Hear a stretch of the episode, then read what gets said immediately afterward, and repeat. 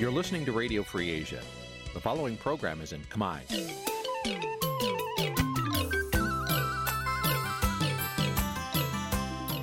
នេះជាកម្មវិធីផ្សាយ Vuthu Azizi Serai នេះជាកម្មវិធីផ្សាយរបស់ Vuthu Azizi Serai ជាភាសាខ្មែរ Vuthu Azizi Serai សូមស្វាគមន៍លោកអ្នកនាងទាំងអស់ពីរដ្ឋធានី Washington នៃសហរដ្ឋអាមេរិក។ ចាប់ពីរដ្ឋធានី Washington នាងខ្ញុំម៉ៅសុធានីសូមជម្រាបសួរលោកអ្នកស្ដាប់ទាំងអស់ជាទីមេត្រី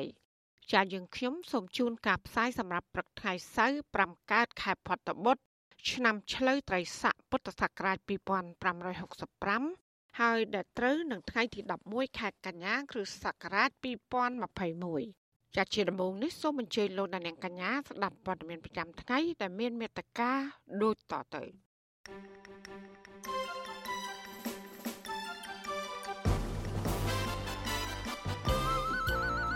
គោជបបង្កើតក្រុមប្រតិកម្មរហ័សដើម្បីឆ្លើយបំភ្លឺចំពោះអ្នករិះគន់ពាក់ព័ន្ធនឹងការរៀបចំការបោះឆ្នោតបរដ្ឋខេត្តប្រវិហារចោទក្រុមហ៊ុនឯកជនមួយ ថាឈូសឆាយដើមឈើធំធំនៅក្នុងព្រៃសហគមន៍អាញាធររបបក្រុងភ្នំពេញបង្ក្រាបក្រុមស្ត្រីថ្ងៃសុកដែលតវ៉ានៅមុខស្ថានទូតអាមេរិក ចាបរដ្ឋនៅក្រុងភ្នំពេញរីគុណថារដ្ឋាភិបាលលុបបឹងទើបបណ្ដាលឲ្យភ្លៀងជន់លិចផ្ទះរបស់ពួកគាត់រួមនឹងព័ត៌មានផ្សេងផ្សេងមួយចំនួនទៀតជាបន្តទៅទៀតនេះនាងខ្ញុំម៉ៅសុធានីសូមជូនព័ត៌មានទាំងនោះពឹស្ដាចាលោកនាងជាទីមេត្រីគណៈកម្មាធិការជាតិរៀបចំការបោះឆ្នោតបង្កើតក្រុមប្រតិកម្មព័ត៌មានមួយថ្មីទៀត ដាច់ដោយឡែកពីអ្នកនាំពាក្យដើម្បីឆ្លើយតបទៅនឹងអ្នករិះគន់កោជបជាប្រធានកោជបលោកប្រាជ្ញច័ន្ទបានចេញសេចក្តីសម្រេចបង្កើតក្រុមប្រតិកម្មព័ត៌មាននេះកាលពីថ្ងៃទី10ខែកញ្ញាដែលមានសមាជិកភាព8រូបក្នុងនោះលោកដឹមសវណ្ណរមជាប្រធាននិងមានអនុប្រធាន2រូបទៀតគឺលោកមុកតារានិងលោកលេងសុជា ចាការបង្កើតក្រុមប្រតិកម្មព័ត៌មាននេះនៅស្របពេលដែលគូជបទទួលរងការរិះគន់ពីក្រុមអ្នកឃ្លាំមើលការបោះឆ្នោត អង្គការសង្គមស៊ីវិលនិងគណៈបព្វប្រឆាំងថាគូជបមិនមែនជាស្ថាប័នឯករាជ្យហើយដែលអាចផ្ដល់ទំនុកចិត្តក្នុងការរៀបចំការបោះឆ្នោត ប្រកបដោយតម្លាភាពត្រឹមត្រូវនិងយុត្តិធម៌បានឡើយចាសសេចក្តីសម្រេចរបស់គោជបប្រកាសពីចែងថាក្រមប្រតិកម្មព័ត៌មាននេះ គឺជាសេនាធិការរបស់គូជបសម្រាប់ការងារប្រតិកម្មរហ័សសម្ដៅទប់ស្កាត់ទាំងការឆ្លើយតបរាល់ចំណុចអវិជ្ជមាននានា ដែលធ្វើឲ្យប៉ះពាល់ដល់គូជបឬធ្វើឲ្យមានការភ័ន្តច្រឡំនាំឲ្យបាត់ទំនុកចិត្តទៅលើការបោះឆ្នោតចាក់ក្រុមប្រតិកម្មព័ត៌មាននេះមានការទទួលខុសត្រូវដាច់ដោយឡែកពីអ្នកនាំពាក្យគូជបក្រុមប្រតិកម្មព័ត៌មាននេះមានភារកិច្ចស្រាវជ្រាវនិងចងក្រង នៅរាល់ព័ត៌មានជាតិនិងអន្តរជាតិដែលមានចរិតវិជ្ជមាននិងអវិជ្ជមាន ដើម្បីជាមូលដ្ឋានក្នុងការស្រាយបំភ្លឺសម្ដៅការពារជំហរនិងកិត្យានុភាពរបស់កោជបចាក្រមប្រតិកម្មនេះក៏នឹងប្រមូលព័ត៌មានពាក់ព័ន្ធនឹងដំណើរការបោះឆ្នោត ពីគ្រប់អគ្គនាយកដ្ឋាននាយកដ្ឋាន និងអង្គភាពផ្សេងផ្សេងដែលចំណុះអគ្គលេខាធិការដ្ឋានកោជបនិងគណៈកម្មការរាជធានីខេត្ត រៀបចំការបោះឆ្នោតទាំង25ខេត្តក្រុងជាបន្ថែមពីនេះក៏ប្រមូលព័ត៌មានដែលផ្សព្វផ្សាយតាមសារព័ត៌មានជាសាធារណៈដើម្បីធ្វើការវិភាគព័ត៌មានអវិជ្ជមាន បង្ខូចកិត្តិយសកោជបដែលធ្វើឲ្យមានការភ័ន្តច្រឡំបំភាន់សាធារណមតិក្នុងទិសដៅធ្វើឲ្យអាប់អោនឬធ្វើឲ្យមហាជន មានការសង្ស័យឬក៏មិនទុកចិត្តលើស្ថាប័នរៀបចំការបោះឆ្នោត ឬក៏ការបោះឆ្នោតនិងបញ្ហាផ្សេងផ្សេងទៀតចាទោះជាយ៉ាងណាក្រុមអ្នកខ្លំមើលការបោះឆ្នោតលើកឡើងថាគូជបោគួរតែទទួលយកការរិះគន់ដើម្បីស្ថាបនាម្យ៉ាងវិញទៀតការបង្កើតក្រុមប្រតិកម្មព័ត៌មាននេះมันអាចធ្វើឲ្យមហាជនឈប់រិះគន់គូជបោបានឡើយដរាបណាគូជបោមិនធ្វើកំណែតម្រង់ជ្រើសរើសសមាជិកដឹកនាំថ្មី ដែលជ្រើសរើសចេញពីមនុស្សឯករាជ្យទេនោះ។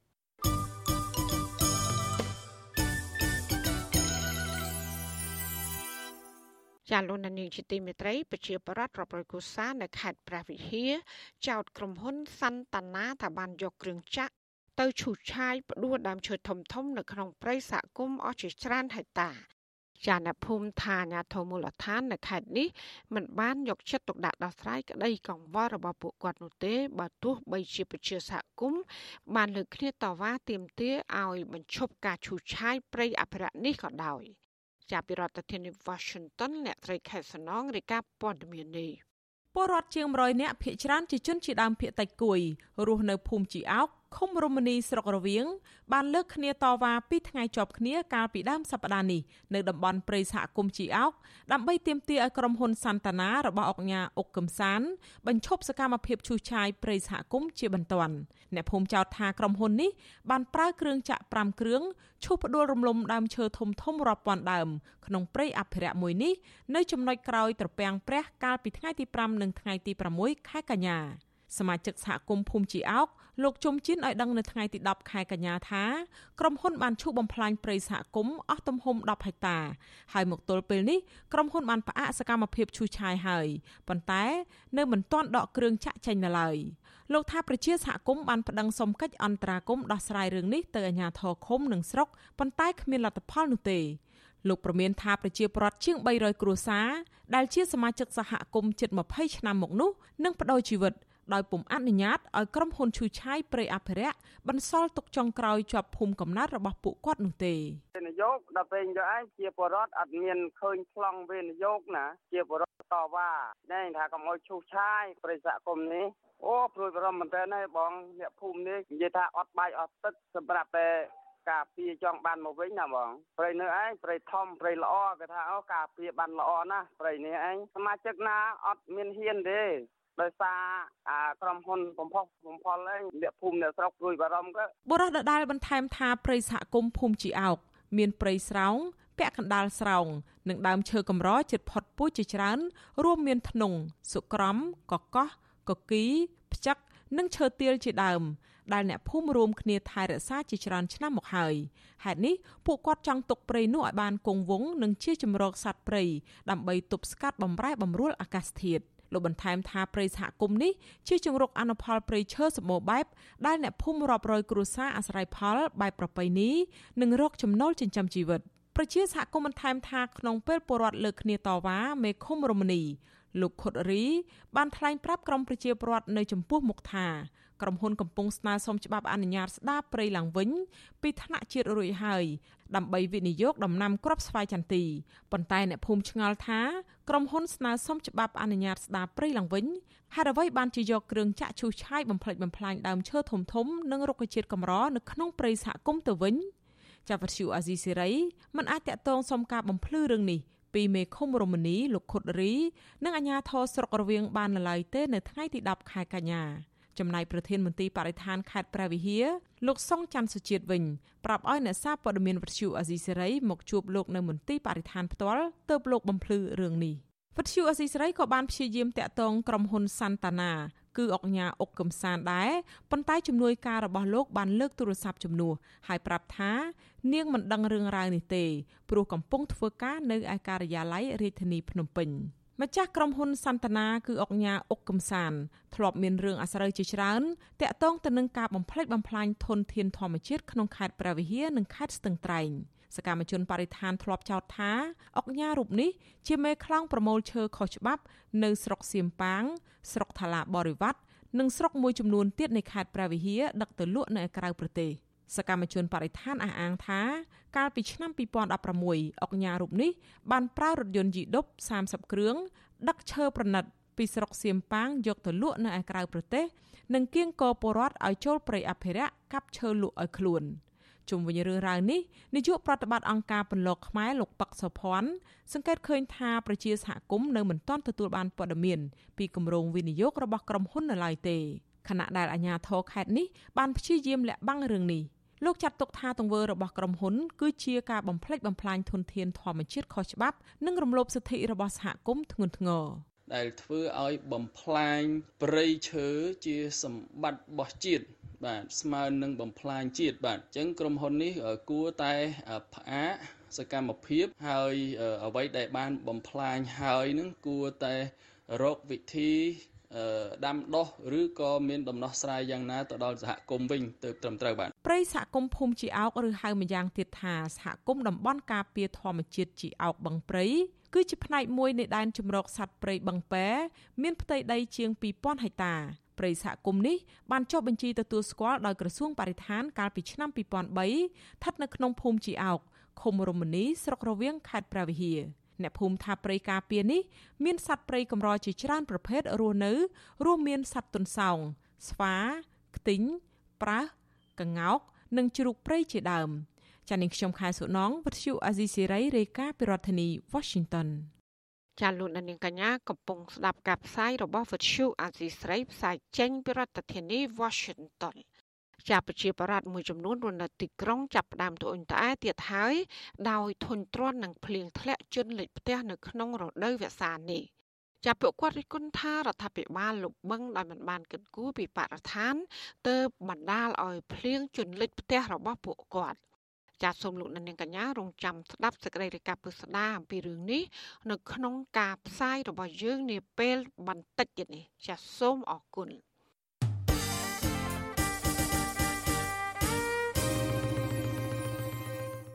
ចាលោកអ្នកស្ដាប់ជាទីមេត្រីការពិព្រឹកថ្ងៃសុកម្សិលមិញនេះអាជ្ញាធររបបក្រុងភ្នំពេញបង្ក្រាបក្រុមស្ត្រីថ្ងៃសុកដែលតវ៉ានឹងដាក់ញត្តិជូនស្ថានទូតអាមេរិកចាក្រមស្ត្រីថ្ងៃសុកនិងមន្ត្រីសិទ្ធិមនុស្សថ្កោលទោសអាញាធរ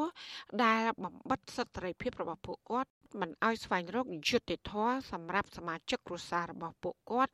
ដែលកំពុងជាប់ឃុំដោយសារតែរឿងនយោបាយចាលោកលេងម៉ាលីរាយការណ៍ព័ត៌មាននេះដូចតទៅ ក្រមសមត្ថកិច្ចនិងកងសន្តិសុខខណ្ឌដូនពេញប្រមាណ50នាក់បានតាមរារាំងនិងបង្ក្រាបក្រមស្ត្រីថ្ងៃសុកប្រមាណ10នាក់ដែលជាសាច់ញាតិនិងជាប្រពន្ធកូនរបស់សកម្មជនបកប្រឆាំងកំពុងជាប់ឃុំមិនឲ្យប្រមូលផ្ដុំលើកបដានិងស្រែកតវ៉ាដោយសន្តិវិធីនៅមុខស្ថានទូតអាមេរិកទេ ក្រោមហេតុផលថាខ្លាចឆ្លងជំងឺ Covid-19 សម័យកូវីដអញ្ចឹងអត់មានមកប្រមូលផ្ដុំទេបើរក្សាគម្លាតផ្ដុំខាងពួកបងបងហ្នឹងឯងពួកខ្ញុំមិនប្រមូលផ្ដុំក៏ខ្ញុំគម្លាតដែរការឆ្លងមួយជំងឺកូវីដ19បើពិសេសអនុញ្ញាតលើបដានេះដល់តមកអីគឺចាត់តំណាងបាទដាក់ញត្តិខាងខាងទូក៏ចាំទទួលដែរហ្នឹងមិនមែនមកតែក្លោឡាមកប្រមូលផ្ដុំទោះបីជាអាញាធរខណ្ឌដូនពេញ ប្រកាសតាមមេក្រូឲ្យអ្នកតវ៉ារក្សាកម្រិតក្តីប៉ុន្តែក្រុមអាញាធរខ្លួនឯងបាននាំគ្នាឈរច្រងែងច្រងាងជាប់ជាប់គ្នានិងតាមឆាឆៅក្រុមស្ត្រីថ្ងៃសុកមិនឲ្យលើកបដាមិនឲ្យស្រែកតវ៉ានិងដណ្ដើមយកទូរស័ព្ទមិនឲ្យថតផ្សាយផ្ទាល់តាម Facebook ព្រមទាំងបាញ់អាកុលដាក់មុខស្ត្រីទាំងនោះទៀតផងក្រោយដណ្ដើមយកទូរស័ព្ទរួចក្រុមអាជ្ញាធរបានបង្ក្រាបស្ត្រីថ្ងៃសុកដោយរុញច្រាននិងចាប់អូស្ត្រីមួយចំនួន បណ្ដាលឲ្យពួកគាត់ដាច់រយះដៃចេញឈាមនិងមានស្នាមជាំលើរាងកាយជាច្រើនកន្លែងតំណាងស្ត្រីថ្ងៃសុកម្នាក់ដែលមានប្តីនិងកូនប្រុសកំពុងជាប់ឃុំគឺលោកស្រីព្រំចន្ទថាថ្លែងថាលោកស្រីហួសចិត្តដែលអាជ្ញាធរបន្តតាមធ្វើទុកបុកម្នេញនិងរំលោភបំពានសិទ្ធិរបស់លោកស្រីដល់មុខស្ថានទូតសហរដ្ឋអាមេរិក។ អូសទាញតំណាទីណៃអូងត្មងក៏ឆក់រូបថតបាញ់អកលដាក់ភ្នែកធ្វើគ្រប់រូបភាពទាំងអស់ឆក់ទូរស័ព្ទមិនឲ្យឡាយមិនឲ្យថតហ្មងអត់ហ្មងពួកគាត់ថតខ្ញុំបានប៉ុន្តែចំពោះពួកខ្ញុំឡាយពួកគាត់អត់បានថតពួកគាត់អត់បាននិយាយអាក្រក់តែម្ដងហើយសម្ដីពួកគាត់នេះគឺអត្ថរូបបំផុតបងងែងហងខ្ញុំធ្វើធ្វើបងគាត់បានធ្វើម៉ែគាត់បានហើយហើយគាត់មកធ្វើចង្វើដាក់ពួកខ្ញុំអញ្ចឹងវាអាក្រក់ខ្លាំងណាពួកវិជាការពារហើយនឹងពួកអាជ្ញាធរទៀតចាស់ទាំងអស់និយាយរួមស្មារតីគ្នាមិនមែនអ្នកណាមានក្រមសីលធម៌មួយសោះចាជាពិសេសមន្ត្រីសាលាក្រុងតែម្ដងសាលាក្រុងក៏អញ្ចឹង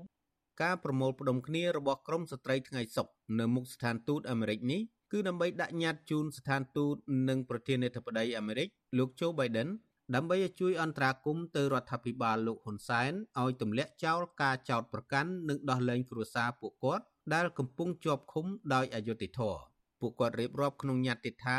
ស្ថានភាពនៅក្នុងពន្ធនាគារចង្អៀតណែនខ្លាំងខ្វះអនាម័យកង្វះអាហារូបត្ថម្ភ និងមិនអាចអនុវត្តវិធានការសុខាភិបាលបានទេ ដែលនាំឲ្យប៉ះពាល់ដល់សុខភាពរបស់អ្នកជាប់ឃុំ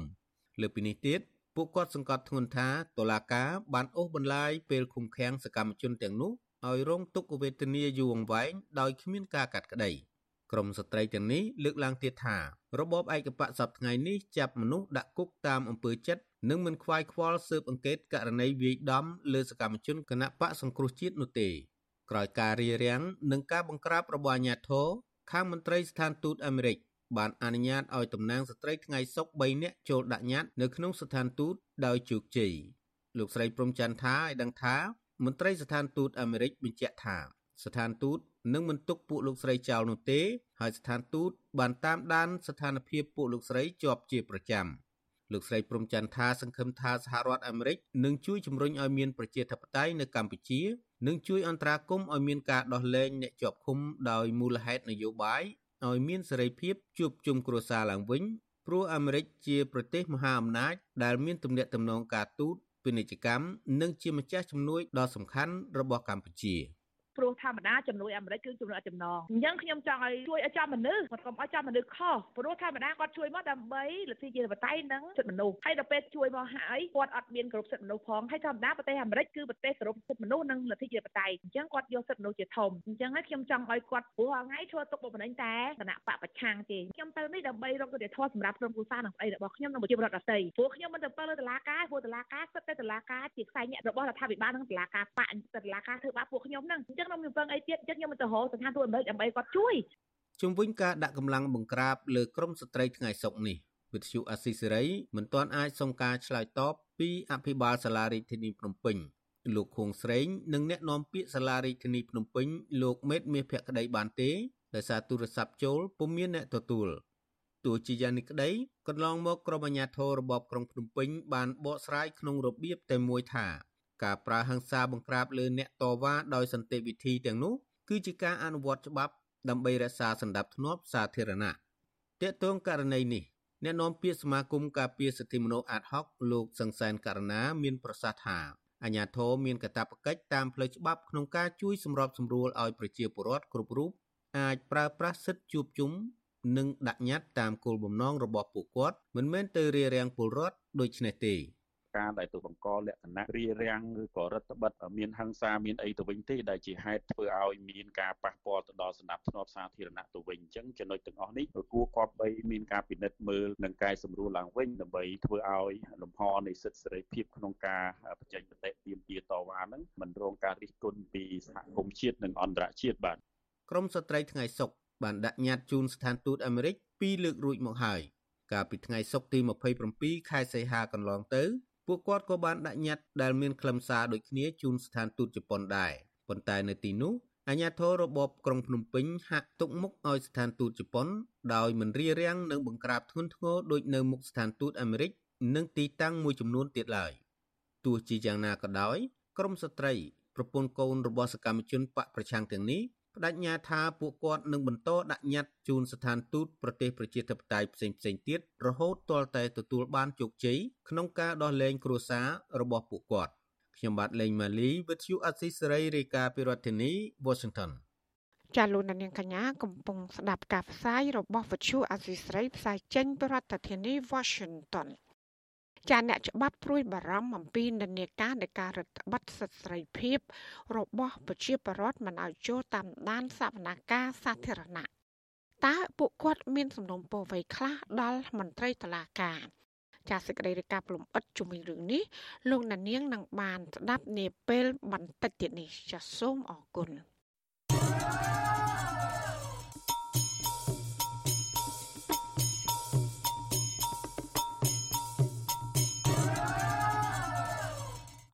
ចាលោកអ្នកត្រាប់ជាទីមេត្រីក្រសួងមហាផ្ទៃនៅមិនទាន់ទទួលស្គាល់ឬក៏ចុះបញ្ជីផ្លូវការឲ្យគណៈបកថ្មីពីររបស់អតីតមន្ត្រីបពប្រឆាំងនៅឡើយចាអ្នកវិភាគលើកឡើងថាក្រសួងមហាផ្ទៃនៅពេលនេះហាក់មានភាពម៉ត់ចត់ជាងមុនក្នុងការផ្ដល់សិទ្ធិឲ្យគណៈបកថ្មីដែលចេញពីអតីតមន្ត្រីបពប្រឆាំងចានេះគឺជាសកម្មភាពរបស់លោកសេកបណ្ឌិតជំនាញព័ត៌មាននេះ គណៈបកបេះដូងជាតិរបស់អតីតមន្ត្រីគណៈបកសង្គ្រោះជាតិលោកសៀមភ្លុកបានដាក់ពាក្យស្នើសុំចុះបញ្ជីផ្លូវការជាងមួយខែទៅហើយ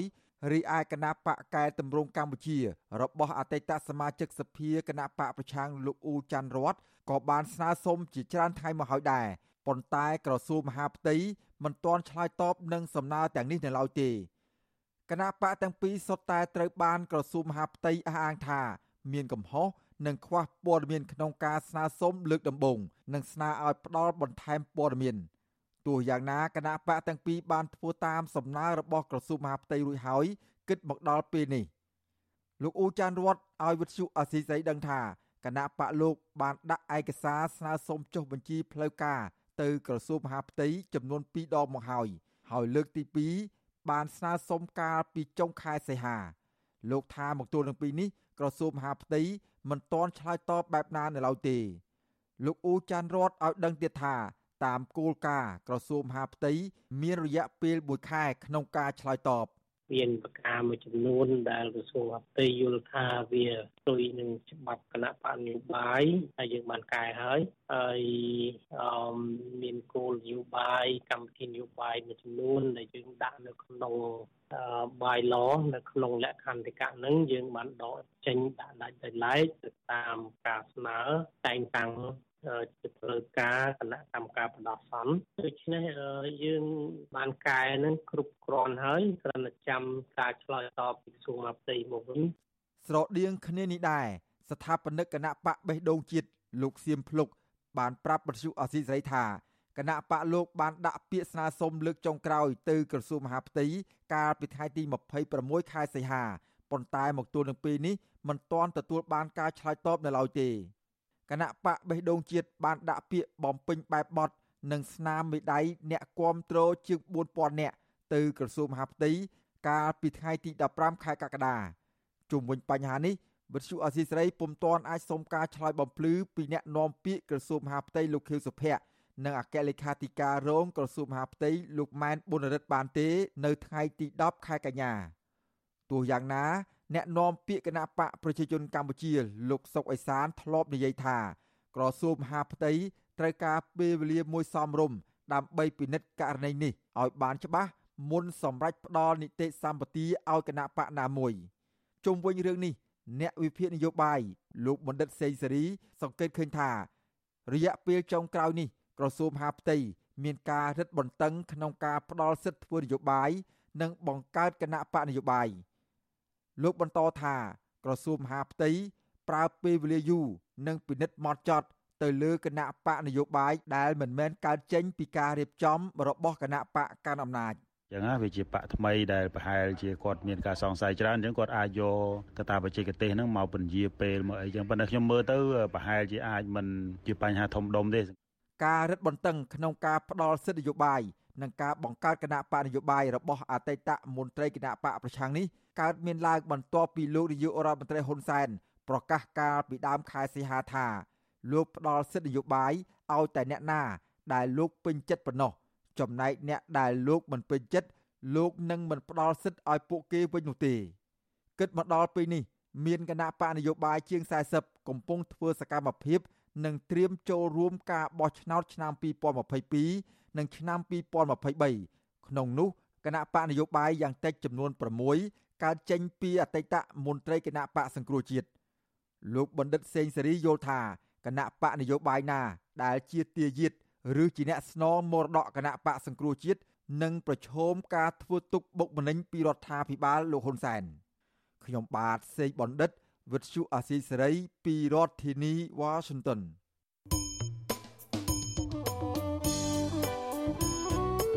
ចាលោកនាងជាទីមេត្រីវិទ្យុអសីស្រីផ្សាយតាមរលក ធាតុអាកាសខ្លីឬ short wave តាមកម្រិតនិងកម្ពស់ដូចតទៅចាពេលព្រឹកគឺចាប់ពីម៉ោង5កន្លះដល់ម៉ោង6កន្លះគឺតាមរយៈរលក ធាតុអាកាសខ្លី9940 kHz ស្មើនឹងកម្ពស់30ម៉ែត្រចាសម្រាប់ពេលយប់វិញចាប់ពីម៉ោង7កន្លះដល់ម៉ោង8កន្លះគឺតាមរយៈរលកធាតុអាកាសខ្លី 9960 kHz ស្មើនឹងកម្ពស់ 30ម៉ែត្រហើយនឹង11240 kHz ស្មើនឹងកម្ពស់ 25ម៉ែត្រចាសសូមអរគុណ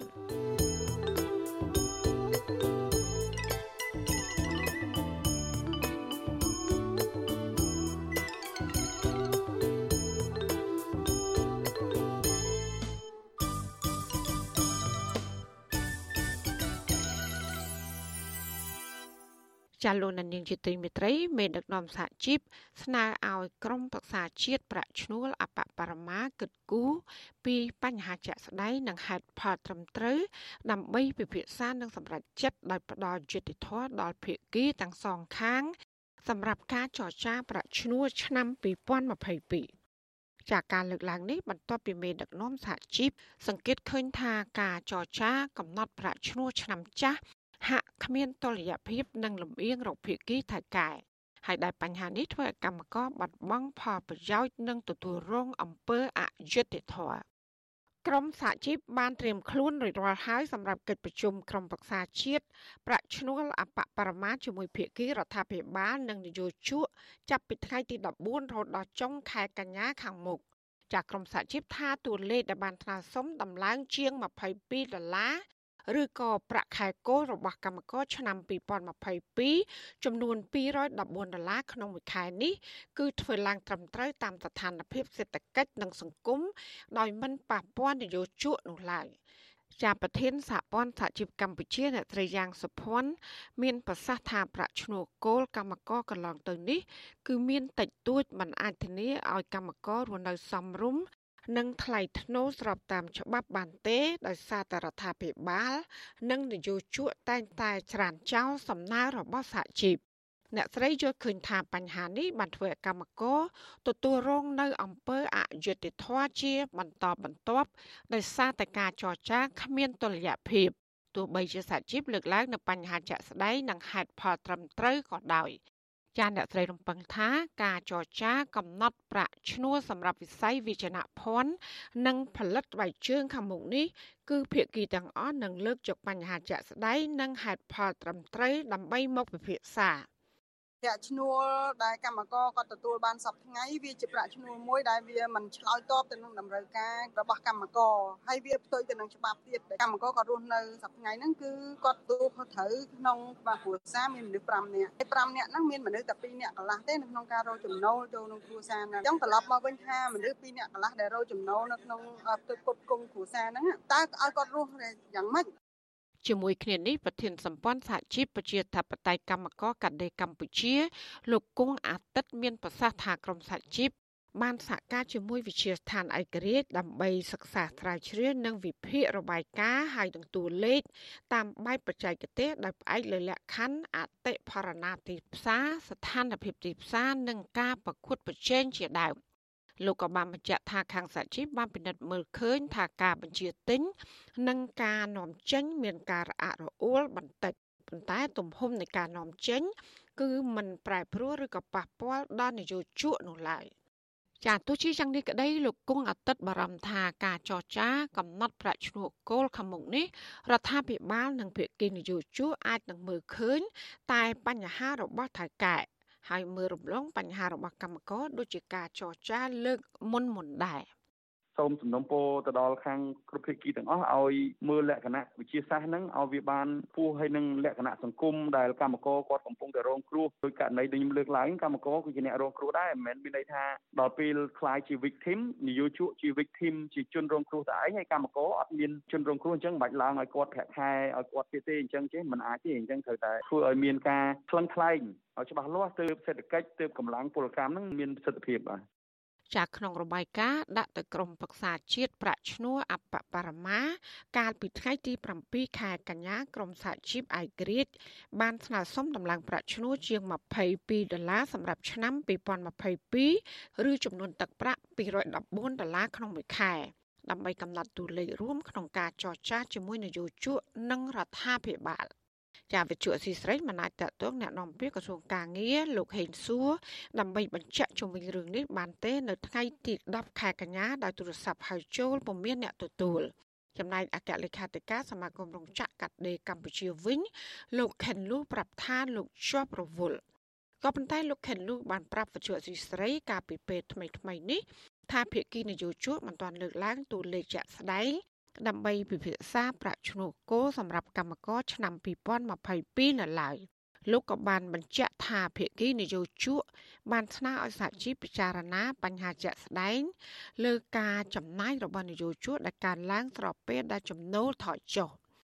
ចាទោះជាយ៉ាងណាកម្មកររោងចក្រកាត់ដេរនៅរាជធានីភ្នំពេញលោកកឹមវ៉ាន់ដេតថ្លែងថាកម្មករគ្រប់គ្រងក្រុមសហជីព ដែលស្នើសុំដំឡើងប្រាក់ខែគោលជាង214ដុល្លារក្នុងមួយខែដោយសារតែពួកគាត់រងទុក្ខលំបាកផ្នែកជីវភាពក្នុងអំឡុងពេលការរីករាលដាលនៃជំងឺ Covid-19 ចាកម្មករវ័យ30ឆ្នាំរូបនេះត្អូញត្អែថាប្រាក់ខែគោលឆ្នាំចាស់មិនឆ្លើយតបតម្រូវការចាំបាច់នៅក្នុងគ្រួសារបានទេពីព្រោះលោកត្រូវបង់ទឹកភ្លើងថ្លៃបន្ទប់ជួល ដែលឡើងថ្លៃហើយនឹងបំណុលធនាគារក្នុងមួយខែជាង130ដុល្លារជាដើមចាលោកក៏បានស្នើដល់ភាគីពាក់ព័ន្ធជួយចរចាប្រាក់ខែគោលសម្រាប់កម្មករឲ្យបានសមរម្យទៅស្ថានភាពគ្រួសាររបស់កម្មករដែលកំពុងជួបវិបត្តិសេដ្ឋកិច្ច គាត់ចំណាយច្រើនជាងមុនប្រាក់ខែគាត់ប៉ុណ្ណឹងគឺក្នុងមួយយើងសិក្សាទៅក្នុងម្នាក់ម្នាក់គាត់បើកទៅគាត់សល់បានខ្ទង់ជា70រៀលអ្វីដែលគាត់ចំណាយទៅវិញអញ្ចឹងគាត់ថាហ្នឹងគាត់គាត់គាត់ទុកហូបដល់ខែវិញវាអស់ហើយភាពជាក់ស្ដែងវាដូចជាមហូបឡើងថ្លៃវាតំណែងឡើងថ្លៃគ្រប់មុខ កាលពីឆ្នាំ2021កន្លងទៅរដ្ឋាភិបាល បានដំឡើងប្រាក់ឈ្នួលអបបរមា សម្រាប់កម្មករនយោជិតផ្នែកវិជ្ជាភ័ណ្ឌកាត់ដេរនិងផលិតស្បែកជើង ពីចំនួន190ដុល្លារទៅ192ដុល្លារក្នុងមួយខែបើគិតរួមទាំងអត្ថប្រយោជន៍ផ្សេងៗដែលមានត្រាប់ជាមធ្យមកម្មករនយោជិតក្នុងម្នាក់ម្នាក់គឺទទួលបានប្រាក់ចំណូលយ៉ាងតិចពី250ដុល្លារដល់350ដុល្លារក្នុងមួយខែ។ ប៉ុន្តែកម្មករអះអាងថាចាប់តាំងពីការរាលដាលនៃជំងឺ Covid-19 ពួកគាត់មិនបានធ្វើការថែមម៉ោងដូចមុននោះឡើយចាបញ្ហានេះហើយធ្វើឲ្យចំណូលរបស់ពួកគាត់មានការថយចុះដោយរំពឹងតែលើប្រាក់ខែគោលស្របពេលដែលទំនិញលើទីផ្សារឡើងថ្លៃឥតឈប់ឈរហើយដែលបញ្ហានេះធ្វើឲ្យស្ថានភាពរស់នៅរបស់កម្មករមានភាពលំបាកជាខ្លាំង thank you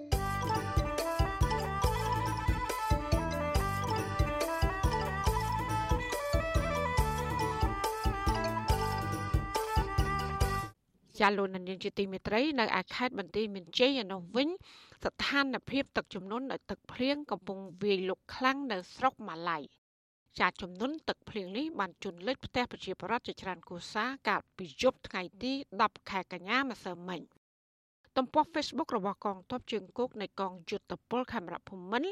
បានចុះផ្សាយនៅយប់ថ្ងៃសុក្រទី10ខែកញ្ញានេះអមដោយរូបភាពទឹកជន់លិចផងឲ្យដឹងថា កម្លាំងផ្នែកសឹករងស្រុកម៉ាឡៃដឹកនាំដោយលោកវរៈស្នេហ៍ត្រីទាវភិរមបានដឹកនាំកម្លាំងចំនួន10នាក់ចុះទៅជួយជញ្ជូនសម្ភារៈរបស់ប្រជាពលរដ្ឋដែលរងគ្រោះដោយសារទឹកចំនួននេះទៅរកទីទួលសុវត្ថិភាពស្ថិតនៅភូមិថ្មីឃុំអូស្រឡៅស្រុកម៉ាឡៃទឹកចំនួនទឹកភ្លៀងក្នុងស្រុកម៉ាឡៃនេះបានជន់លិចផ្ទះប្រជាពលរដ្ឋជាច្រើនខ្នងបន្ទាប់ពីមានភ្លៀងធ្លាក់ជាបន្តបន្ទាប់ក្នុងប្រមាណថ្ងៃកន្លងមកនេះ ចារហូតមកដល់ពេលនេះគេនៅមិនទាន់ដឹងពីចំនួនខូចខាតនៃទ្រព្យសម្បត្តិឬក៏ប៉ះពាល់ដល់អាយុជីវិតមនុស្សសត្វយ៉ាងណានៅឡើយទេ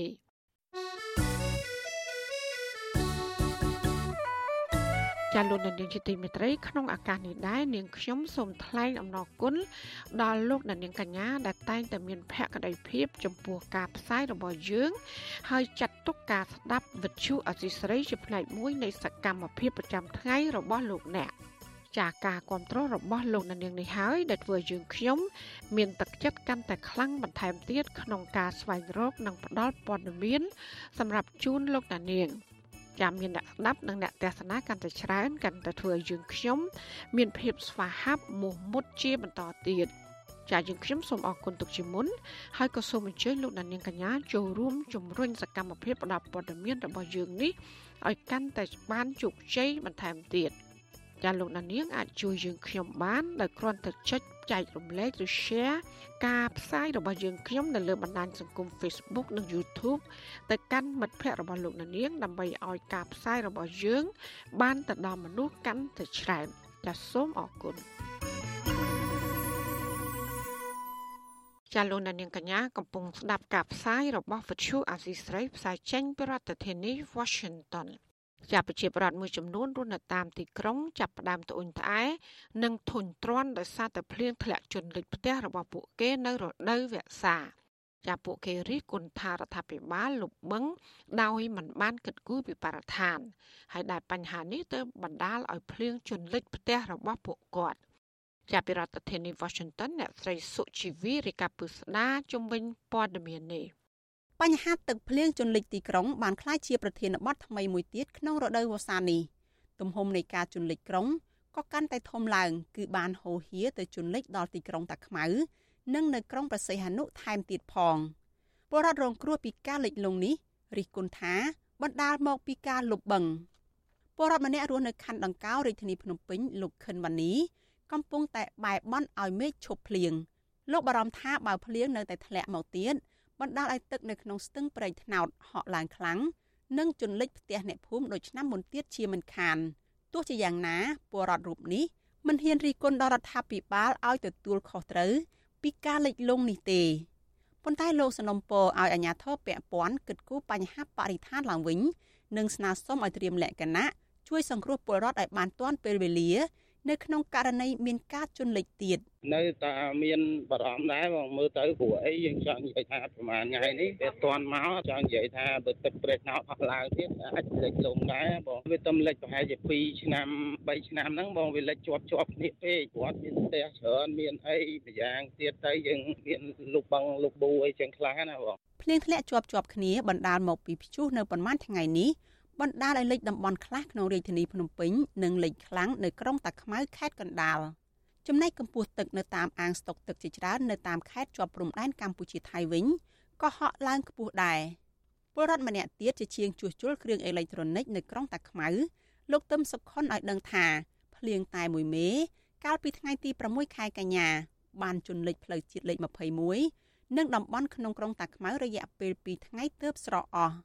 លោកចង់ឲ្យអាជ្ញាធររកវិធីរំដោះទឹកភ្លៀងចេញពីក្រុងតាខ្មៅឲ្យបានលឿនជាងនេះព្រោះការជន់លិចបណ្ដាលឲ្យខូចខាតសម្ភារៈនិងប៉ះពាល់ជីវភាពរស់នៅរបស់ពលរដ្ឋគេចាំពីយកបីយកទៅវាស្រកអត់ណាទេពួកយើងនៅវិតែមានលិចលៀងញឹកញាប់ទេយើងវាជួបឯណាផលបាក់វាគេអត់វាសើមរបស់របរយើងតែតែរបស់ដែលថាត្រូវទឹកមិនបានបើត្រូវទឹកខូចពលរដ្ឋរូបនេះបន្តថាកាលពីដើមមកក្រុងតាខ្មៅមិនដែលជន់លិចទឹកភ្លៀងទេ គឺទៅតែលិចនៅរយៈពេលប្រមាណឆ្នាំចុងក្រោយនេះទេកាលពីឆ្នាំ2020អង្គការ Liga do បណ្ដាញយុវជនកម្ពុជា អង្គការសមត្ថៈនិងអង្គការសមាគមធៀងថ្នោត បានស្រាវជ្រាវរកឃើញថាការជន់លិចនៅភូមិខាងត្បូងរាជធានីភ្នំពេញនិងក្រុងតាខ្មៅបណ្ដាលមកពីការចាក់ខ្សាច់លុបបឹងទំពុននិងបឹងជើងឯកក្រុមអង្គការសមាគមទាំង4ព្រួយបារម្ភថាការចាក់ខ្សាច់លុបផ្ទៃបឹងទាំងពីរនេះ និងបណ្ដាលឲ្យបឹងលែងមានសមត្ថភាពស្តុកនិងច្រោះទឹកស្អុយហើយបង្កឲ្យមានគ្រោះថ្នាក់ធ្ងន់ធ្ងរដល់បរិស្ថានតាមរយៈការបំពុលទឹកស្អុយចូលទៅក្នុងទន្លេបាសាក់ដែលនៅក្បែរបឹងទាំងនោះការលុបបឹងដើម្បីអភិវឌ្ឍដោយមិនបានគិតគូរពីបរិស្ថាននេះកំពុងតែពេញនិយមនៅតាមបណ្ដាខេត្តក្រោយពេលដែលបឹងនៅរាជធានីភ្នំពេញត្រូវបានចាក់ដីលុបបាត់រូបរាងស្ទើរតែគ្រប់បឹងទៅហើយនោះនៅឯខេត្តព្រះសីហនុក្បែរសមុទ្រដែលវិនិយោគិនចិន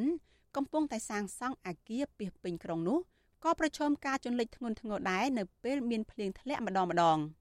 កាលពីថ្ងៃទី25ខែសីហាអាជ្ញាធរខេត្តប្រសេអនុប្រកាសថាមានពលរដ្ឋម្នាក់អាយុ40ឆ្នាំបានស្លាប់ដោយត្រូវទឹកចំនួនទឹកភ្លៀងហូរគួចយកទៅបាត់នៅចំណុចអូ5ភូមិ5សង្កាត់លេខ5ជាមួយគ្នានោះពលរដ្ឋជាច្រើនគ្រួសារនៅក្នុងក្រុងប្រសេះអនុត្រូវទឹកជន់លិចខូចខាតទ្រព្យសម្បត្តិអស់ជាច្រើន។ កម្មកររោងចក្រម្នាក់នៅឯខេត្តប្រសិទ្ធនុលោកពេជ្រពិសិដ្ឋអះអាងថាកន្លងមកក្រុងប្រសិទ្ធនុមិនដែលមានទឹកចំនួនទឹកភ្លៀងជន់លិចធ្ងន់ធ្ងរនោះទេគឺទើបតែលិចនៅប្រមាណឆ្នាំចុងក្រោយនេះដោយសារតែការលុបបឹងអភិវឌ្ឍទីក្រុងពលរដ្ឋរូបនេះមិនជំទាស់នឹងការអភិវឌ្ឍទេប៉ុន្តែលោកស្នើសុំរដ្ឋាភិបាលគិតគូរដល់សុខទុក្ខរបស់ពលរដ្ឋផងព្រោះនៅពេលដែលលិចលង់ម្ដងម្ដងពួកគាត់ខាតបង់ទ្រព្យសម្បត្តិនិងជួបការលំបាកខ្លាំងណាស់ ភ្លៀងតាមអាយុមួយថ្ងៃភ្នែកលើចោលណាដោយសារតែហ៊ានតាមអាយុមួយថ្ងៃជាប់គ្នាហើយដល់លិចហើយនិយាយរួមទៅនិយាយរឿងរើអីវ៉ាន់ហ្នឹងក៏រើតនអាហ្នឹងតតែរើបន្តនេះមិនដឹងយកទៅដាក់ណាទេផ្ទះយើងនៅលិចនៅក្នុងទឹកហ្នឹងហើយផ្ទះគេផ្សេងផ្សេងចិត្តចិត្តហ្នឹងលិចដូចគ្នាអញ្ចឹងណាហើយផ្លូវវាលិចយើងដឹងដល់កណាយើងមានតែនៅលើធ្នើលើផ្ទះក្នុងផ្ទះហ្នឹងជុំវិញការរិះគន់នេះវិទ្យុអាស៊ីសេរីមិនអាចសុំការបញ្ជាក់ពីប្រធានអង្គភិបអ្នកណែនាំពាក្យរដ្ឋាភិបាលលោកផៃស៊ីផាននិងអ្នកនាំពាក្យសាលាខេត្តមួយចំនួនបានឡើយនៅថ្ងៃទី8ខែកញ្ញា តែយ៉ាងណាលោកផៃស៊ីផាននិងរដ្ឋមន្ត្រីក្រសួងបរិស្ថានលោកសៃសំអល់ធ្លាប់អះអាងថាការជន់លិចក្រុងមិនមែនបណ្ដាលមកពីការលុបបង្ទេគឺបណ្ដាលមកពីស្ទះលូឬប្រព័ន្ធមិនគ្រប់គ្រាន់និងមកពីភ្លៀងធ្លាក់ច្រើនពេកបន្ថែមពីនេះរដ្ឋាភិបាលមិនបានបង្អន់ដៃក្នុងការលុបបឹងទេលោកនាយករដ្ឋមន្ត្រីហ៊ុនសែននៅតែបញ្ជាឲ្យលុបផ្ទៃបឹងពីរធំចុងក្រោយនៅរាជធានីភ្នំពេញគឺបឹងតាមុកនិងបឹងទំពុនឬបឹងជើងឯកជាបន្តបន្ទាប់ សង្គមស៊ីវិលដែលធ្លាប់ធ្វើការសិក្សាកន្លងមកបារម្ភថាការបន្តលុបបឹងដើម្បីអភិវឌ្ឍដោយមិនបានគិតគូរពីបរិស្ថាន និងបណ្ដាលឲ្យពលរដ្ឋនៅទីក្រុងរងគ្រោះពីទឹកភ្លៀងកាន់តែខ្លាំងនាយកបប្រតិបត្តិអង្គការសមត្ថធម៌លោកអៀងវុធីប្រាប់វិទ្យុអាស៊ីសេរីនៅថ្ងៃទី8ខែកញ្ញាថាការលុបបឹងទើបជាបញ្ហាផ្ទាល់ដែលបណ្ដាលឲ្យមានការច្រាលទឹកចេញពីទីតាំងស្តុកនិងលូហូរចូលទៅដក់តាមថ្នល់និងហូរចូលទៅក្នុងផ្ទះប្រជាពលរដ្ឋ លោកបន្តថាការលុបបឹងក្នុងក្រុងកន្លងមក កំពុងជះផលអវិជ្ជមានធ្ងន់ធ្ងរត្រឡប់ទៅអ្នករស់នៅទីក្រុងវិញតំណាងសង្គមស៊ីវិលរូបនេះជំរុញរដ្ឋាភិបាលបញ្ឈប់ការលុបបឹងទាំងអស់ទាំងនៅក្នុងក្រុងនិងក្រៅក្រុង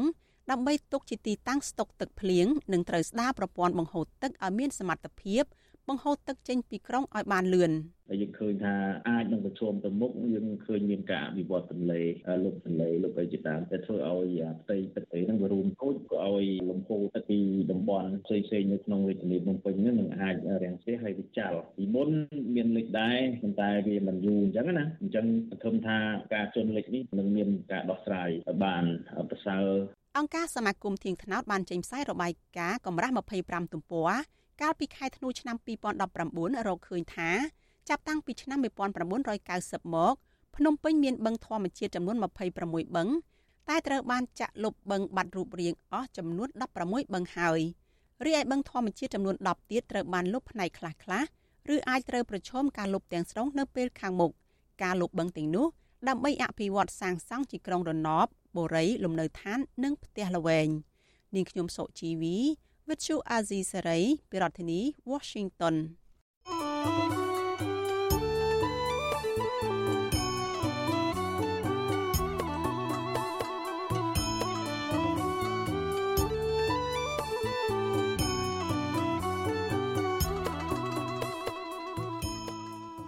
ចាលោកអ្នកស្ដាប់ជាទីមេត្រីពាក់ព័ន្ធនឹងការធ្វើចតាលិស័ករបស់ពលករខ្មែរពីប្រទេសថៃវិញ ពួកគេមួយចំនួនរិះគន់អាជ្ញាធរខេត្តឧត្តរមានជ័យថារៀបចំការធ្វើចតាលិស័កមិនបានត្រឹមត្រូវហើយដែលជាហេតុបណ្ដាលពលករជាច្រើនអ្នកឆ្លងជំងឺ Covid-19 ចាពលករលើកឡើងថាពួកគេជាច្រើនអ្នកបានឆ្លងជំងឺ Covid-19 ដោយសារតែពួកគាត់ជាប់គាំងនៅក្នុងបណ្ដុលចតាលិស័កអស់រយៈពេលយូរលើសពីគោលការណ៍របស់ក្រសួងសុខាភិបាល។ ចាំមន្ត្រីសង្គមស៊ីវិលយល់ឃើញថាអាញាធិបតេយ្យព័ន្ធគួរតែដោះស្រាយបញ្ហានេះជាបន្ទាន់ដើម្បីកុំឲ្យពលករឆ្លងជំងឺ Covid-19 កាន់តែច្រើនចាសសូមលោកអ្នកនាងកញ្ញាស្ដាប់សេចក្តីរាយការណ៍របស់លោកទីនសាការីយ៉ាជុំវិញព័ត៌មាននេះពីរដ្ឋធានី Washington ពលករត្រឡប់មកពីប្រទេសថៃទៅនោះថ្លែងថាប្រសិនបើអាជ្ញាធរខេត្តឧត្តរមានជ័យរៀបចំកន្លែងធ្វើចតាលិស័កជូនដល់ពលករឲ្យបានច្បាស់លាស់នោះពួកគាត់នឹងមិនឆ្លងជំងឺ Covid-19 ឡើយ ពលករទាំងនោះត្រូវបានអាជ្ញាធរបញ្ជូនទៅមណ្ឌលព្យាបាលជំងឺ Covid-19 នៅក្រុងសំរោងខេត្តឧត្តរមានជ័យភ្លាមភ្លាមបន្ទាប់ពីមន្ត្រីសុខាភិបាលខេត្តនេះធ្វើចតាលិស័កឃើញជំងឺ Covid-19 ពលករមានស្រុកកំណើតនៅខេត្តកំពង់ធំម្នាក់ថ្លែងសុំមិនបញ្ចេញឈ្មោះអះអាងថាពួកលោកមានគ្នាជិត10នាក់បានឆ្លងជំងឺ Covid-19 ក្រោយពេលធ្វើចតាលិស័កនៅមណ្ឌលពហុកីឡាដ្ឋានស្រុកអន្លង់វែងអស់រយៈពេលពី14ថ្ងៃទៅ20ថ្ងៃពលករវ័យ34ឆ្នាំរូបនេះបន្តថា មូលហេតុដែលពួកលោកឆ្លងជំងឺ Covid-19 ដោយសារអាញាធរដាក់ពលករលាយឡំគ្នាជាមួយអ្នកកើតជំងឺ Covid-19 នៅក្នុងមណ្ឌលចតាលិស័កតែមួយដោយមិនមានការសម្អាតអនាម័យឲ្យបានច្បាស់លាស់អូងាប់បងវិទ្យាថាទេមិនធ្វើចេះហាភ័យខ្ញុំនឹងថាមិនបើគេរៀបចំអញ្ចឹងគឺជាឆ្ងល់ហើយមិនដឹងថាគេដាក់ដាក់ជាប់ឬមួយយ៉ាងណាខ្ញុំឥឡូវនឹងដាក់តទៀតក្នុង21ថ្ងៃទៀតវាឡើងចូលចិត្ត2ខែដែរ ដាក់យូរពេកយកដាក់ដាក់តទៅជាប់នេះគឺជាប់ឆ្លងគ្នាបងនៅខាងខាងខ្ញុំគេជាប់នៅ9នាក់ហើយដេកជាប់ជាប់គ្នាហ្នឹងគេទៅអស់ហើយហ្នឹងហើយវាដែរនៅឆ្លងទៅឆ្លងមកនេះពលកររូបនេះបន្ថែមថានៅក្នុងមណ្ឌលចតាលិស័កជាមួយលោកមានពលករជាង1000នាក់ដោយអ្នកខ្លះបានជាប់គាំងនៅទីនោះជាង2ខែមកហើយមិនទាន់បានចេញទៅស្រុកកំណើតនៅឡើយទេលោកបញ្ជាក់ថាការធ្វើបែបនេះធ្វើឲ្យពលករមួយចំនួនរអ៊ូរទាំព្រោះបានប៉ះពាល់ដល់អារម្មណ៍របស់ពួកគាត់ផង និងប្រឈមនឹងការឆ្លងជំងឺ Covid-19 ផងលោកថាអាញាធរបានដាក់ពួកគេនៅក្នុងបន្ទប់ណានចង្អៀតហើយឲ្យប្រើបន្ទប់ទឹករួមគ្នានឹងគេធ្វើយ៉ាងណាវិញដល់ពេលអញ្ចឹងខ្ញុំអត់យល់យកពីនេះទៅដាក់ឯនោះយកពីនោះមកដាក់ឯនេះពេលណាគេឧទាហរណ៍ទេបងនេះព្រោះតែតាទុកគេយូរពេកហ្នឹងប្រហែលជាគេគេទៅនិយាយចេញបដកម្មទៀតហើយបើវាទុកគ្នាយូរពេកទុកទុកឡើងជាប់ដែរបងមិនលេសោយទេណាវាហាវិភ័យច្រើនអាទុកគ្នាអញ្ចឹងយកយើង21ថ្ងៃហ្នឹងហើយទៅតយើងឯនោះទៀតទៅដាក់យើងតទៀត មកបន្ទប់ហ្នឹង13នាក់14នាក់ស្រ័យតាំងគេដាក់ហ្នឹងបងបើជាប់មួយគេយកពីអាកន្លែងនោះគេយកមកដាក់នេះវិញដូចគ្នាដែរពលករនីដែលទើបតែត្រឡប់មកពីប្រទេសថៃម្នាក់ទៀតប្រាប់ថាលោកស្រីធ្វើដំណើរមកពីទីក្រុងបាងកកមានសុខភាពល្អធម្មតានិងបានធ្វើតេស្ត2ដងមុននឹងចូលមកដល់កម្ពុជាដោយលទ្ធផលបង្ហាញថាលោកស្រីគ្មានជំងឺ Covid-19 នោះទេស្ត្រីវ័យ29ឆ្នាំរូបនេះបន្តថាលោកស្រីបានឆ្លងជំងឺ Covid-19 ក្រោយពេលធ្វើចតាលិស័កបាន20ថ្ងៃ នៅតំបន់ព្រំដែនខេត្តឧត្តរមានជ័យស្ត្រីមានកូនខ្ចីរូបនេះបន្តថាអំឡុងពេលធ្វើចតាលិស័កនោះពុំមានអាជ្ញាធរណាម្នាក់បាញ់ថ្នាំសម្លាប់មេរោគជូនដល់ពលករនោះទេជាពិសេសកន្លែងដែលមានអ្នកឆ្លងជំងឺ Covid-19 ខ្ញុំប្រឈមនឹងនឹងអារឿងប្រាក់ចំណូលនឹងផងជាពិសេសហើយឥឡូវយើងជាប់ចឹងទៀតគឺសុខភាពជាចម្បងហ្មងដូចខ្ញុំហ្នឹងព្រឹកមិញនឹងចង់ស្លាប់យើងសរសៃខ្ចីផងហើយដល់លឺថាជាប់ចឹងទៅអារម្មណ៍វាច្របូកច្របល់ពេកទៅវាទៅជាខ្យល់កចង់ស្លាប់ចង់ដួល ហើយមិនមែនមានតែខ្ញុំទេអ្នកខ្លះវាពិបាកចិត្តដែរអុយយំអីចឹងទៅអ្នកដែលមកមួយខ្ញុំនេះកុំខ្ចីដែរគាត់ពោគាត់ប្រាំខែកុំជិះណានមួយខ្ញុំហ្នឹងបងឯងមកបានអាទិត្យហើយនេះអាទិត្យចុងក្រោយអាទិត្យចុងក្រោយដែលគាត់ត្រូវបានទៅឥឡូវគាត់ជាប់បាត់ក៏យកទៅរាប់តអញ្ចឹងវិលទៅវិលមករាប់ខែនោះគ្មានបានប្រទេសក្រុមពលករទាំងនេះបានធ្វើដំណើរប្រថុយប្រឋានត្រឡប់មកពីប្រទេសថៃឆ្លងដែនចូលកម្ពុជាតាមច្រកអស្មាច់ខេត្តឧត្តរមានជ័យដោយសារពួកគាត់អត់ការងារធ្វើនៅឯប្រទេសថៃ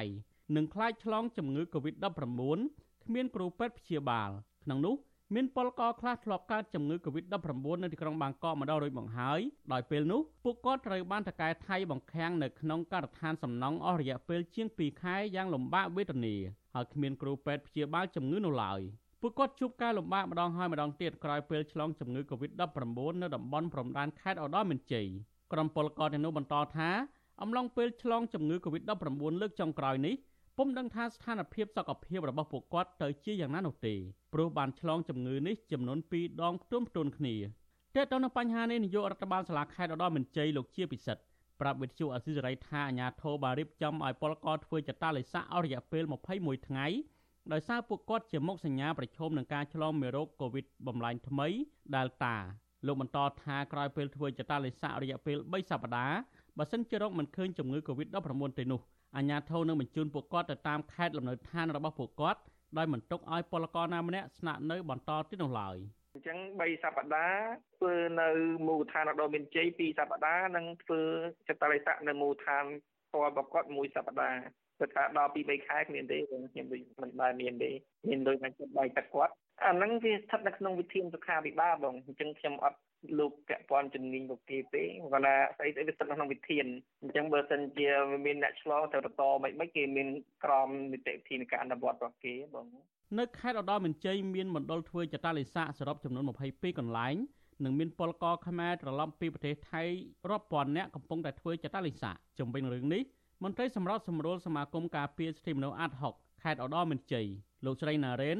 យល់ថាអាញាធរពាក់ព័ន្ធគួរតែដោះស្រាយបញ្ហានេះជូនដល់ពលករជាបន្ទាន់ដើម្បីបង្ការកុំឲ្យពួកគាត់ឆ្លងជំងឺ Covid-19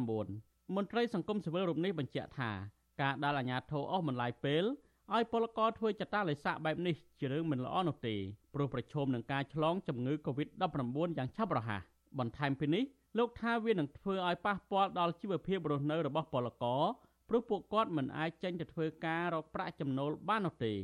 ព្រោះអាចជំងឺឆ្លងហ្នឹងมันអាចទុកបដិបដោយចឹងបានទេគឺការឲ្យលឿនជាងមកពេលកន្លងមកហ្នឹងជាការល្អហើយហើយមកទុកបដិបដោយទេអាជំងឺហ្នឹងវាអត់ចាំយើងវាឆ្លងតែម្ដងចឹងណាព្រោះអាជំងឺហ្នឹងជាជំងឺមួយដែលវាកាចសាហាវយើងបើសិនតែឆ្លងម្ដងហើយវាធ្វើឲ្យប៉ះពាល់ដល់សុខភាពរបស់គាត់ទោះបីជាគាត់ជាក៏ដោយក៏มันអាចទៅដូចដើមចឹងដែរចឹងណា Facebook ខ្លះហ្នឹងគាត់ប្រហែលចឹងដែរគាត់ថាដាក់គ្នាវល់ចឹងជាមួយគ្នាចឹងធ្វើឲ្យមានការឆ្លងអីពីម្នាក់ទៅម្នាក់អ្នកដែលអត់ឆ្លងអាចទៅឆ្លងអីចឹងនេះពលករ ខ្មែរបានវិលត្រឡប់មកពីប្រទេសថៃជាបន្តបន្ទាប់នេះដោយសារការផ្ទុះរាតត្បាតជំងឺ Covid-19 ខ្លាំងនៅក្នុងប្រទេសថៃក្រសួងសុខាភិបាលថៃឲ្យដឹងថាគិតត្រឹមថ្ងៃទី6ខែកញ្ញាមានពលករខ្មែរជាង23,000នាក់ឆ្លងជំងឺ Covid-19 ចំនួននេះមានរាប់បញ្ចូលអ្នកឆ្លងជំងឺ Covid-19 ដែលកំពុងតែសម្រាកនៅតាមបន្ទប់ជួលដោយខ្លួនឯងនោះឡើយរបាយការណ៍របស់អង្គការអន្តរជាតិទេសុនប្រវេសប្រចាំនៅកម្ពុជាបង្ហាញថាចាប់ពីខែមិនិនា ឆ្នាំ2020ដល់ថ្ងៃទី8កញ្ញាឆ្នាំ2021មានពលករខ្មែរជិត240,000នាក់ដែលបានវិលត្រឡប់ពីប្រទេសថៃក្នុងនោះនៅខែសីហាឆ្នាំ2021មានជាង14,000នាក់ជាមួយគ្នានេះក្រសួងសុខាភិបាលកម្ពុជាឲ្យដឹងថាគិតត្រឹមថ្ងៃទី9កញ្ញាករណីឆ្លងជំងឺ Covid-19 នាំចូលពីក្រៅប្រទេសមានជាង16,000នាក់ក្នុងនោះមួយចំនួនធំជាពលករខ្មែរដែលវិលត្រឡប់មកពីប្រទេសថៃវិញ ខ្ញុំធីនសាការីយ៉ាអសិសរីប្រធានីវ៉ាស៊ីនតោន thank you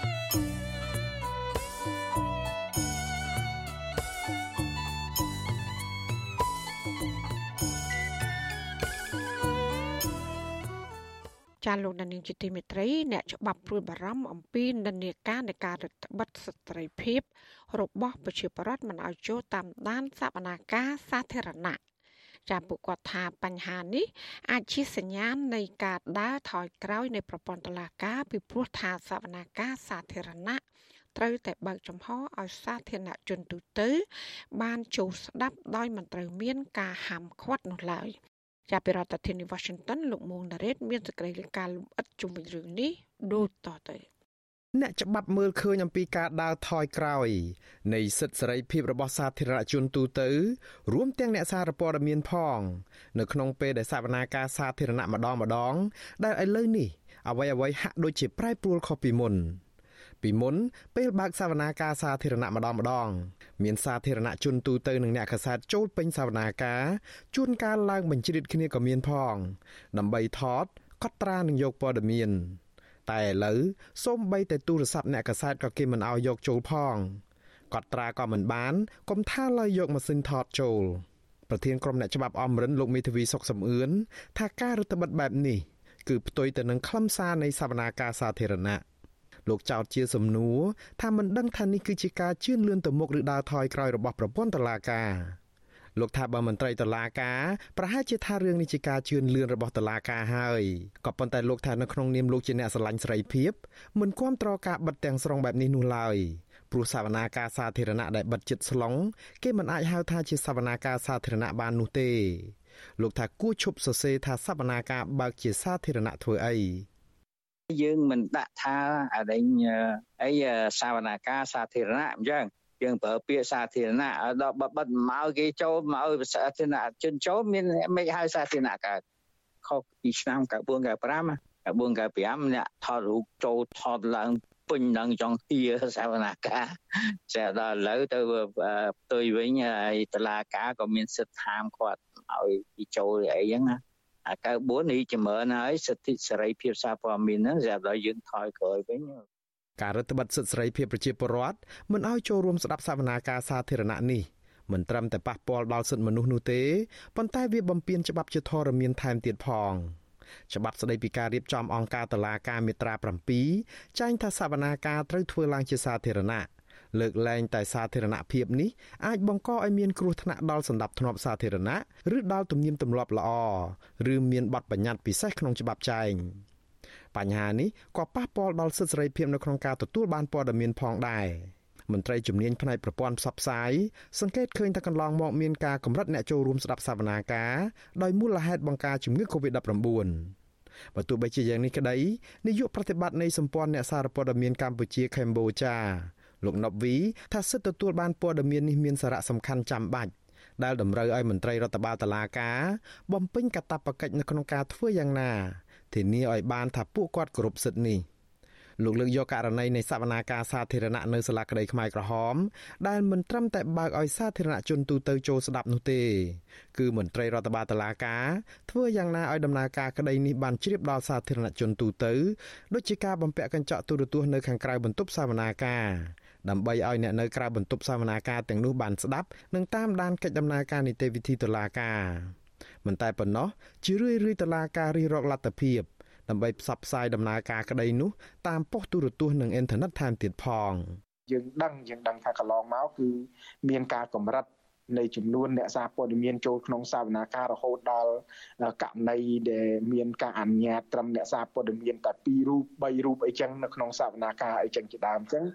ចំណុចហ្នឹងគឺជារឿងមួយដែលក៏វាបង្កឲ្យមានកង្វល់នៅក្នុងការ ផ្ដល់ព័ត៌មានទៅដល់សាធារណជនទូទៅក៏ដូចជាអ្នកសារព័ត៌មានផងដែរបាទចំពោះអ្នកច្បាប់វិញលោកយល់ថាការរដ្ឋបិទសិទ្ធិសេរីភាពសាធារណជននៅក្នុងការចូលរួមស្ដាប់សវនាការនេះមិនផ្ដល់ផលចំណេញអ្វីទាល់តែសោះដល់ការកែតម្រង់ប្រព័ន្ធយុតិធធម៌នៅកម្ពុជាផ្ទុយទៅវិញការរដ្ឋបិទនេះលោកសុកសំអឿនថាធ្វើឲ្យតឡាការលែងសូវប្រយ័ត្នប្រយែងនៅក្នុងការកាត់ក្តីព្រោះគ្មានអ្នកតាមដានដំណើរការក្តីដូចមុនកាលមុនបើសិន តឡាការក៏កាត់ដីអីក៏ក៏ប្រយ័ត្នដែរដោយសារតែមានសាវណៈមានអ្នកសារព័ត៌មានអីគេតាមដានជងច្រាំងអីចឹងណាតែដល់ឥឡូវវាអត់មានបារម្ភអីទាំងអស់យ៉ាងណាដូច្នេះតែបើខាតយុទ្ធធម៌ទៅវិញទេលោកបន្តទៀតថាតឡាការមិនគួរណាយកលេសថាបន្ទប់តូចចង្អៀតមិនអាចឲ្យសាធារណជនទូទៅចូលស្ដាប់សវនាការបាននោះឡើយលោកថាបើដឹងថាបន្ទប់តូចហើយសំណុំរឿងនោះមានមនុស្សចង់ចូលរួមតាមដានច្រើន ហេតុអ្វីតឡាការមិនរកបន្ទប់ឲ្យធំជាងនេះនឹងដាក់មេក្រូមកក្រៅឲ្យមនុស្សស្ដាប់ក៏បានបើចង់មានតម្លាភាពដូចគ្នានេះដែរលោកណប់វីស្នើឲ្យរដ្ឋបាលតឡាការលៃលោកយ៉ាងណាពង្រឹងការគោរពសិទ្ធិទទួលបានព័ត៌មានជាពិសេសសិទ្ធិរបស់អ្នកសារព័ត៌មាននៅក្នុងការចូលស្ដាប់និងរាយការណ៍អំពីដំណើរការក្តីនីមួយៗលោកថាបើបន្ទប់តូចមិនអាចឲ្យអ្នកចូលរួមបានច្រើនមន្ត្រីតឡាការត្រូវរកដំណោះស្រាយឲ្យមានប្រសិទ្ធភាព ជាជាងសម្រាប់បិទសិទ្ធិអ្នកចូលរួម។ កន្លែងនេះគឺជារឿងមួយដែលវាត្រូវតែមានដំណោះស្រាយទោះបីជាបន្ទប់សវនាការនឹងតូចមែនក៏ប៉ុន្តែរឿងដំណោះស្រាយគឺយើងត្រូវតែរៀបចំឲ្យធ្វើម៉េចធានាថាសាធារណជនទូទៅហ្នឹងគឺគាត់អាចតាមដានគាត់អាចមើលគាត់អាចដឹងអំពីដំណើរការទាំងមូលនៃសវនាការដើម្បីយើងធានាអំពីសិទ្ធិទទួលព័ត៌មានព្រោះសិទ្ធិទទួលព័ត៌មានមានន័យថាបើក្នុងករណីជាពលរដ្ឋគាត់ពិបាកនៅក្នុងការទទួលព័ត៌មានគឺរដ្ឋមានកាតព្វកិច្ចនៅក្នុងការផ្ដល់ជូននៅក្នុងការផ្ដល់ជាមធ្យោបាយឬមួយក៏ផ្ដល់ជាដំណោះស្រាយជូនទៅដល់អ្នកដែលមានសិទ្ធិនឹងបាទវត្តជូអាស៊ីសេរីមិនទាន់អាចសុំការបំភ្លឺជាមួយរឿងនេះពីអ្នកនាំពាក្យតុលាការក្រុងភ្នំពេញលោកអ៊ីរ៉ានបាននៅឡើយទេ កាលពីថ្ងៃទី9ខែកញ្ញាដោយសារតែទូរស័ព្ទចូលគ្មានអ្នកទទួលការរដ្ឋបတ်សិទ្ធិសេរីភាពអ្នកចូលរួមស្ដាប់សវនាការសាធារណៈនេះប៉ះពាល់ដល់សិទ្ធិរបស់សមាជិកក្រុមគ្រួសាររបស់ជនជាប់ចោតផងដែរ កន្លងមក មានករណីជាច្រើន ដែលសាច់ញាតិរបស់ជនជាប់ចោត ជាពិសេសសាច់ញាតិរបស់សកម្មជននយោបាយនិងសង្គមត្រូវតឡាការហាមចូលស្ដាប់សវនាការសាធារណៈដែលតឡាការជំនុំជម្រះក្តីសាច់ញាតិរបស់ពួកគាត់ជារឿយរឿយតឡាការលើកយកហេតុផលថាបន្ទប់សវនាការតូចចង្អៀតនិងដើម្បីបង្ការជំងឺ Covid-19 ទើបមានការរដ្ឋបတ်បែបនេះអ្នកច្បាប់និងមន្ត្រីជំនាញប្រព័ន្ធផ្សព្វផ្សាយស្នើឲ្យមន្ត្រីពាក់ព័ន្ធទាំងអស់ កែលម្អប្រព័ន្ធយុតិធធនិងគោរពច្បាប់និងខ្លឹមសារនៃសវនាការសាធារណៈដោយត្រូវបើកចំហនិងផ្ដល់លទ្ធភាពគ្រប់បែបយ៉ាងដើម្បីបង្កលក្ខណៈងាយស្រួលដល់សាធារណជនទូទៅនិងអ្នកសារព័ត៌មានផងដើម្បីឲ្យពួកគាត់បានចូលរួមតាមដាននិងយកព័ត៌មានអំពីសវនាការដោយគ្មានការរឹតបន្តឹងតទៅទៀតខ្ញុំបាទមុងណារ៉េត With you Aziz Ray ប្រធានាធិបតី Washington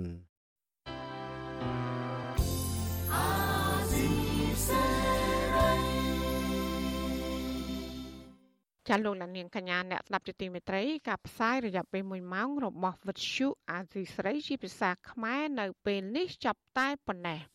ចាយើងខ្ញុំទាំងអស់គ្នាសូមជូនពរលោកលាននិងក្រុមគ្រួសារទាំងអស់សូមជួបប្រកបតែនឹងសេចក្តីសុខសេចក្តីចម្រើន ជានិរន្តរ៍ចានាងខ្ញុំម៉ៃសុធានីព្រមទាំងក្រុមការងារទាំងអស់របស់អាស៊ីស្រីសូមអរគុណនិងសូមជម្រាបលា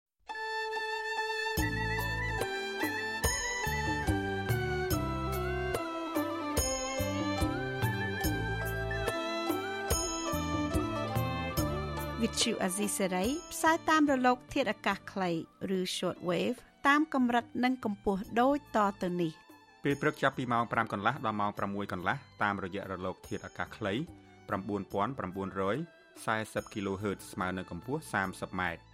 ពេលយប់ចាប់ពីម៉ោង7កន្លះដល់ម៉ោង8កន្លះតាមរយៈរលក ធាតុអាកាសខ្លី9960 kHz ស្មើនឹងកម្ពស់ 30m និង11240 kHz ស្មើនឹងកម្ពស់ 25m លោកអ្នកនាងក៏អាចស្ដាប់ការផ្សាយផ្ទាល់តាមប្រព័ន្ធអ៊ីនធឺណិតដោយចូលទៅកាន់គេហទំព័រ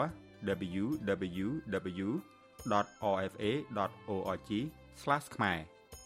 ក្រៅពីនេះលោកអ្នកនាងក៏អាចអាននិងទស្សនាព័ត៌មានវិទ្យុអាស៊ីសេរី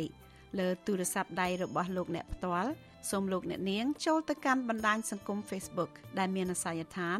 www.facebook.com/rfa cambodia និង YouTube www.youtube.com/rfa khmer video សូមលោកអ្នកនាងចុច like និងចុច Subscribe ដើម្បីទទួលបានព័ត៌មានថ្មីៗទាន់ហេតុការណ៍និងទស្សនាវីដេអូផ្សេងៗទៀតបានគ្រប់ពេលវេលា។